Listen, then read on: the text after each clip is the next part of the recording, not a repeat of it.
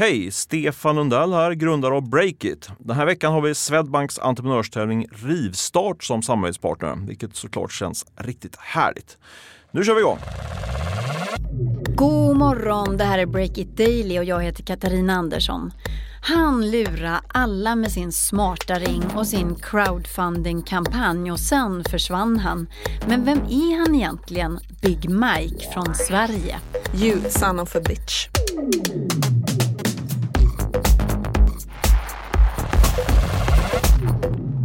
Dun, dun, dun, dun, dun. Jonas, kan du stänga dörren där bara? Den här historien börjar för drygt två år sedan, i augusti 2016. När jag jobbade på, på Breakit i början så eh, hade jag lite svårt att hitta nyheter ofta så då brukade jag sitta och hänga på Kickstarter och leta upp liksom, eh, svenska kampanjer eller på olika crowdfunding-sajter. För då ibland så fick de ju in en massa pengar och då var det plötsligt någonting att skriva om. Jonas Delange, Breakits reporter, hittade ett spännande crowdfunding-projekt på Indiegogo. Bioring, Bioring. ja, som är bioring. Mm. Inte som är biograf då utan som är biologi. Jaha. Bioring var en helt fantastisk innovation om man fick tro grundarna själva.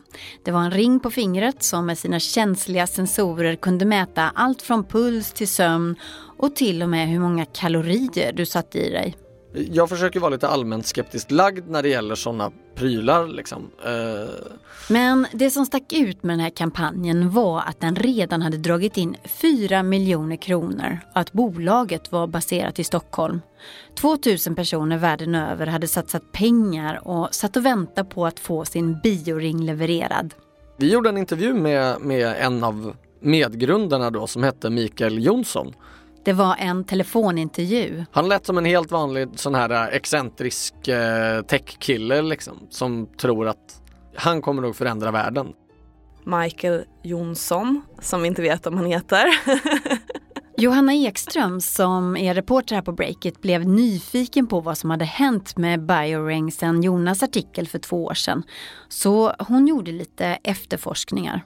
Först så eh, hittade jag en artikel i en, på en sajt som heter Vocative.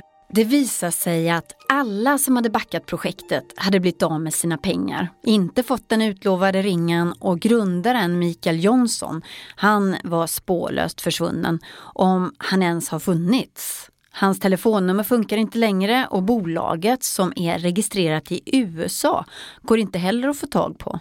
Men det fanns ett telefonnummer. Då ringde jag det och då kom jag bara till en sån här agentur. Och de sa bara att de inte kunde lämna någon information. Vilket kanske inte var så väntat.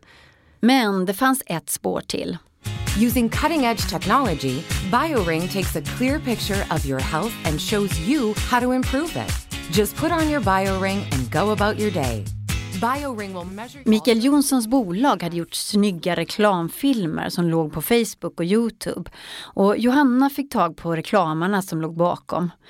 De var blåsta på pengar berättar de för Johanna och hade varit i kontakt med Mikael Jonsson över Skype flera gånger för att tjata till sig sina pengar.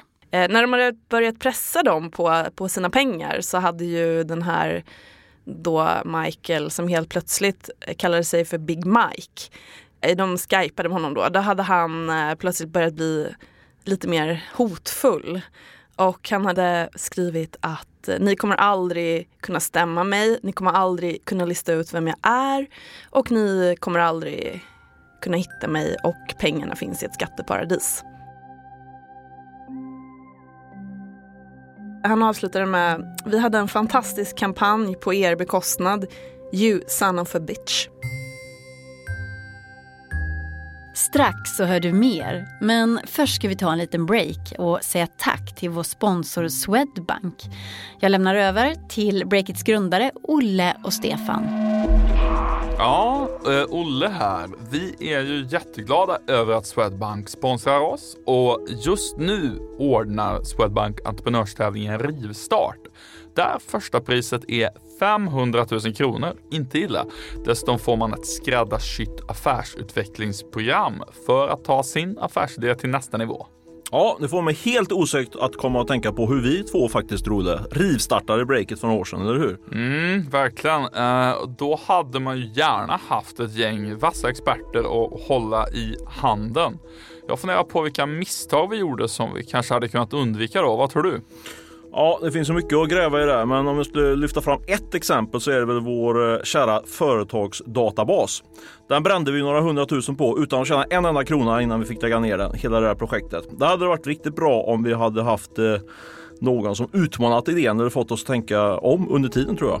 Ta hjälp när den finns är väl lärdomen man kan ta av det. Så har du som lyssnar på det här en grym affärsidé, gå in och ansök på swedbank.se rivstart. Och du är med och tävlar om hjälpen som vi gärna hade haft helt enkelt. Mm, lycka till och eh, tack Swedbank för att ni sponsrar podden.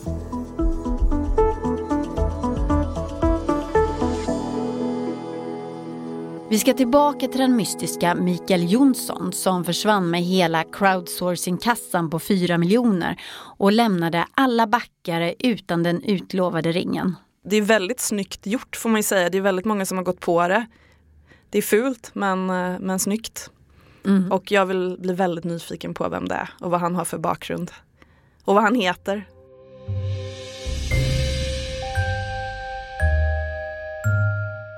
Och om du som lyssnar känner till något om Bioring eller känner igen personen i Youtube-filmen det är en påstådd medgrundare till Mikael Jonsson. Länken finns på Breakit site. Så hör av dig till oss, för vi vill såklart gå till botten med det här. Mm. Ja, jag går igång på det här jättemycket. Man vill ju att det här inte har läckt ut. Någon måste ju veta vem det är så att säga. Det, det måste ju gå att hitta honom tänker jag. Breakits egen internetguru Emanuel Karlsten är själv en av dem som har blivit lurad via en crowdfunding-sajt. Jag har själv en gång i tiden finansierat en, en GPS-spårare, en liten dosa som man skulle kunna stoppa på något ställe och så skulle den ge en signal då. Eh, som jag tänkte att jag skulle ha som någon slags spiongrej i något eh, obskyrt projekt. Men det var ju en scam alltihopa det också. Eh, så att det, eh, det, det, finns en rad sådana personer med dunkla syften som har använt de här crowdfunding-plattformarna för egen vinning. Men eh, jag tycker inte att man läser så mycket om dem just. Borde man varna folk liksom, eller? Jag vet inte om man ska varna. Jag tror att man ska råda alla att vara vaksamma i vad man investerar i. Man ska komma ihåg det att, att alla de som misslyckas är inte skämmat utan det kan ju vara så att, att man försöker med någonting och så lyckas det inte. Man känner sig trängd av att man har spenderat alla de här pengarna och det enda man har gjort är en usel produkt och sådär. Eh, och så vet man inte riktigt hur man ska kommunicera ut och gå under jorden istället. Sådana exempel finns. Men så som det har varit de senaste åren kring crowdfunding så är det som att de flesta trott att det är ett alternativt sätt att köpa en knasig pryl på. Det är det inte, utan det här är ju, vi är ju investerare då som tar en risk eh, och det tror jag att man underskattat. Och i det så är det väl också att när vi är investerare som tar en risk så kan vi ibland åka på en blåsning eller en riktig skumfilur. Emanuel Karlstens krönika om crowdfunding och ett lyckat projekt kan du läsa idag på Breakit och Och Breakit Daily hör du imorgon igen om du vill. Och vill du mejla oss så finns vi på daily Ansvarig utgivare är Olle Aronsson och jag heter Katarina Andersson.